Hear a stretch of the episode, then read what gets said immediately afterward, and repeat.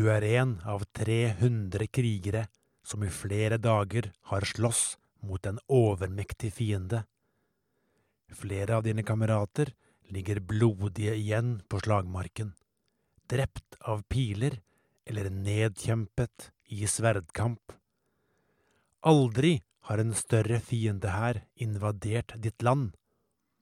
Fiendens tropper er tallrike som løvet på trærne, og for hver mann du hogger ned, står 20 nye klare til å overta. Du vet at slaget ikke kan vinnes. Du vet at utfallet bare er ett – døden. Så hva gjør du? Snur du ryggen til og drar hjem, eller stormer du framover med sverdet en siste gang?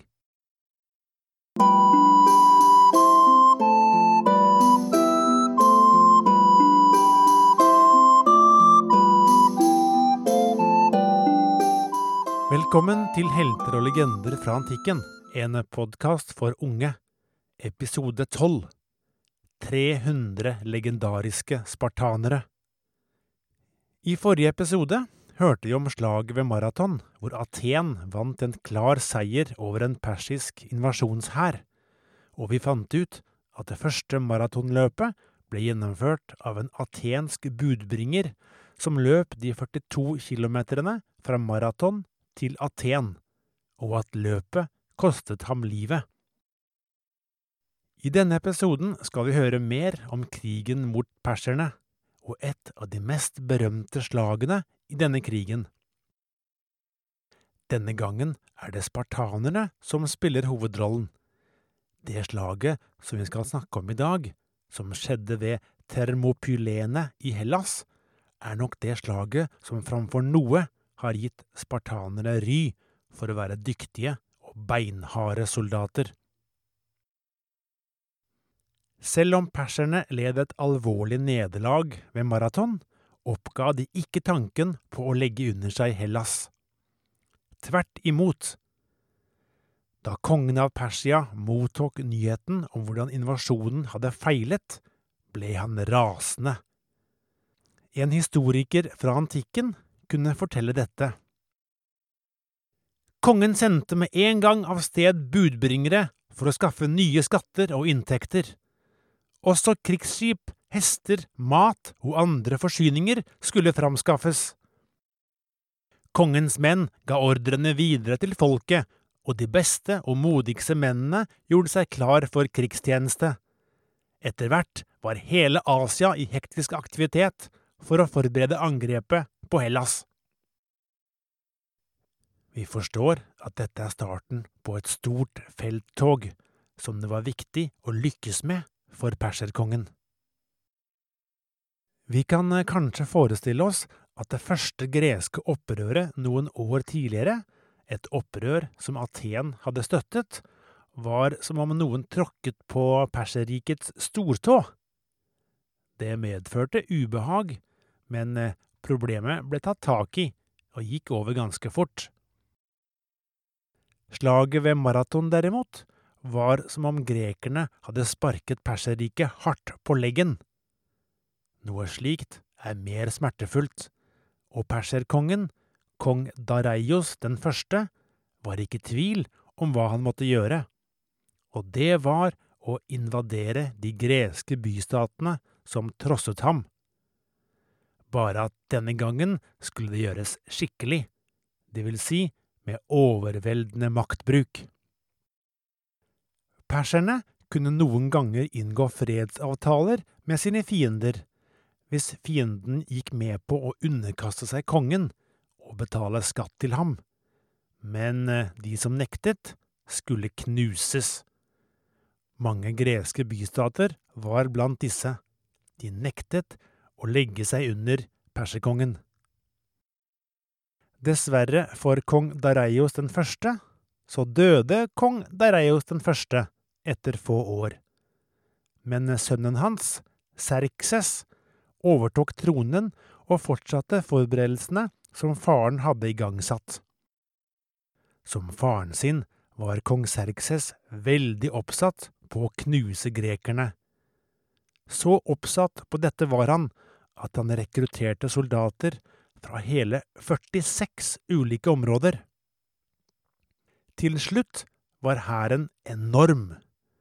Noen har ment at den telte godt over en million mann. Det er nok en overdrivelse, men antallet soldater kan ha vært 100 000, muligens enda større. Grekerne mottok informasjon om hva som skjedde på persisk side. De skjønte at de nå måtte stå sammen for å overleve. Også Aten og Sparta forsto dette, og de to rivalene og en del andre bystater ble enige om å kjempe sammen. Når det er sagt, det var flere greske bystater som kjempet sammen med perserne. Kanskje lovet perserne dem rike belønninger? Kanskje mente disse bystatene at det var best å holde med den som virket sterkest? Og det var klart for alle at den som virket sterkest, det var perserkongen. Som vi husker, mente grekerne at visse personer kunne se inn i fremtiden. Disse ble kalt orakler. Oraklet i Apollon-tempelet i Delfi var det mest berømte av alle. Så derfor sendte atenere folk dit for å høre hva som kunne komme til å skje, og få noen gode råd. Dette er hva oraklet i Delfi sa til atenerne. Ikke vent i stillhet til hestene og de marsjerende føttene kommer, og fienden er i landet. Kom dere vekk, snu ryggen til, dere vil møtes i strid, uansett. Da atenerne hørte dette, ble de veldig forskrekket. Oraklets ord var ikke akkurat beroligende. Full av uro dro de tilbake til Aten, hvor befolkningen ganske snart ble evakuert. I Perserriket satte den enorme hæren seg i bevegelse mot Hellas. Avstanden som skulle tilbakelegges, var på over 3000 kilometer. Vi må anta at det gikk flere måneder før de nærmet seg det smale havområdet som skilte Europa fra Asia. Dette ble kalt Hellesponten, og Hellas lå på den andre siden. Kong Serkses ga ordre om at det skulle bygges en bro, slik at troppene hans kunne komme seg over. Men eh, ikke før var broen bygget, så brøt det ut en svær storm som gjorde at den ble ødelagt. En historiker som levde i antikken, forteller om det som da skjedde. Xerxes ble rasende som følge av dette, og han befalte at havet skulle gis 300 piskeslag og kjettinger kastes hardt i vannet. De som utførte piskingen, fikk ordre om å bruke harde ord. Du, ditt hatefulle vann, vår Herre Kongen har dømt deg, for du har straffet ham uten at han har gjort deg noe. Kong Serkses vil krysse deg, enten du vil det eller ikke. Ingen skal gi deg offergaver, for du er bare en grumsete og salt elv. Vi forstår fra dette at kongen mente han var en mektig person, for du skal ha ganske stor selvtillit når du begynner å straffe selve havet. Og ikke bare fikk han pisket havet. Xerxes ga også ordre om at alle som hadde ledet arbeidet med byggingen av broen, skulle halshogges. Slik lyder i alle fall legenden for akkurat denne delen av historien er nok mer en legende enn sannhet. Etter hvert fikk Serkses bygget en ny bro, og denne gangen ble den liggende, slik at alle soldatene hans kom seg trygt over. Og hvor lang tid tok det å få alle over til den andre siden? Hele syv dager. Som vi har skjønt, dette var ikke en liten og puslete hær. Kong Serkses var nå i Hellas og kunne starte invasjonen. I førstningen møtte de ganske liten motstand, enkelte byer var også vennlig innstilt, men eh, perserne forsto at mange grekere ikke ville gi seg uten kamp. I forkant av invasjonen hadde Serkses sendt bud til flere greske bystater for å tilby fred i bytte mot at de underkastet seg. Dette gikk ikke slik Serkses hadde håpet. I Sparta hadde sendebudene til og med blitt kastet ned i en dyp brønn. Da de ba tynt om å bli hjulpet ut, skal spartanerne ha svart, Grav dere ut selv! Selv om mange bystater gikk sammen under Spartas ledelse, var de greske styrkene likevel i sørgelig mindretall. Men de hadde en ganske god plan. Når en forsvarer skal prøve å stoppe en stor invasjonsstyrke, er det lurt å møte fienden et sted hvor hans høye antall soldater ikke kommer til sin rett. Å møte fienden på en stor slette er for eksempel en dårlig idé, for da kan han omringe deg. Det er mye smartere å kjempe mot ham ved inngangen til en trang dal eller fjellpass. På et slikt sted må fienden angripe i mindre grupper med få soldater av gangen. Forsvarerne slipper å møte alle på en gang. Et slikt sted er passet ved Termopylene. I antikken var veien her så smal at på et visst punkt kunne bare en hestevogn passere om gangen. Det var i dette området de greske styrkene tok oppstilling og ventet på den persiske hæren. Det var den spartanske kongen, kong Leonidas, som ledet grekerne. Leonidas var kjent som en tøff type som ikke var redd for å dø. Med seg hadde han 300 av de beste krigerne som Sparta kunne mønstre. En rekke andre greske byer hadde også sendt krigere, men det totale antallet var neppe større enn 7000. Vi må tro at kong Serkses så på dette som en lett match.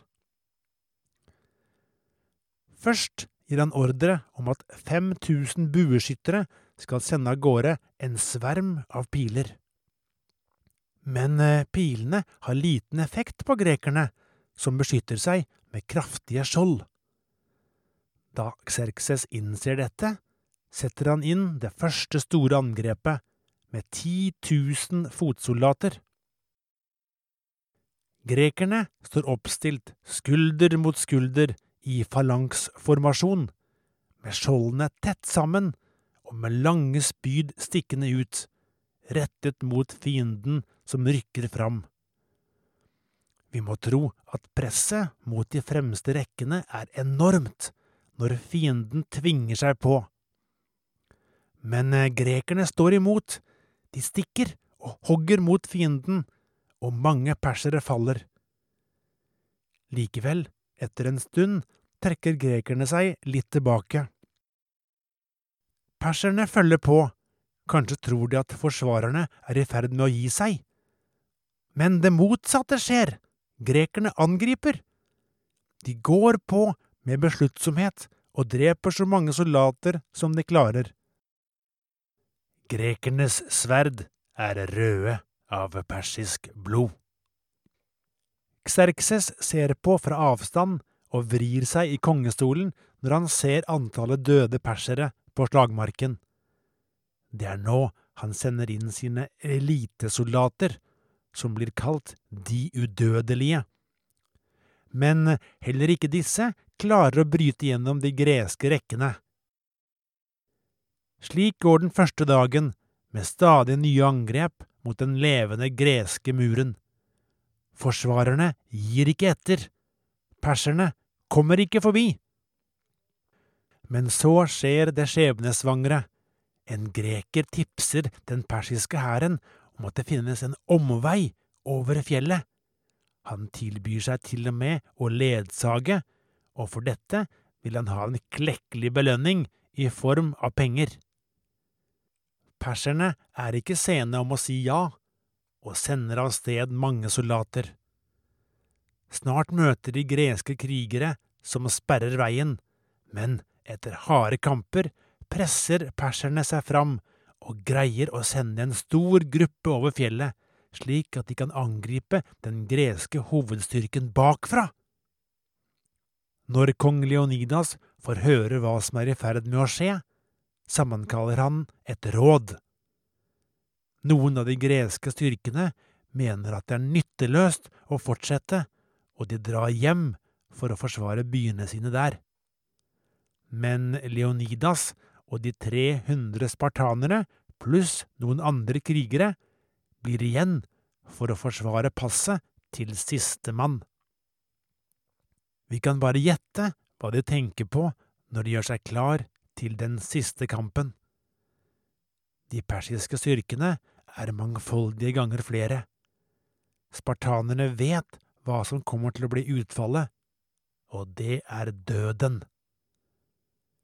Likevel går de på med sine siste krefter. De gyver løs og kjemper, sverd mot sverd, mann mot mann. Men én etter én faller de død om. Til slutt er det ikke en eneste levende greker igjen på slagmarken. Kong Serkses kan triumfere. I slaget ved Termopylene viste spartanerne og deres allierte et legendarisk heltemot. En ganske liten styrke holdt i flere dager ut mot en overlegen motstander. Sjelden har noen vist så mye tapperhet i krig. På stedet hvor slaget fant sted, skal det senere ha blitt reist en statue av kong Leonidas, vist som en løve. Perserne vinner altså slaget, og kan fortsette invasjonen. I tiden etter erobrer de mange greske byer. Også Aten blir inntatt og brent. De som ikke har rømmet byen, blir drept eller tatt som slaver. Det er en vanskelig tid for grekerne. Men eh, alt håp er ikke ute. Grekerne er gode til å føre krig på havet, de har gode krigsskip, og de greier også å samle sammen enda flere soldater til en kraftig hærstyrke. Følg med i neste episode, hvor vi skal høre at den greske krigslykken snur, og at det blir perserne som skal få slite. Ha det godt!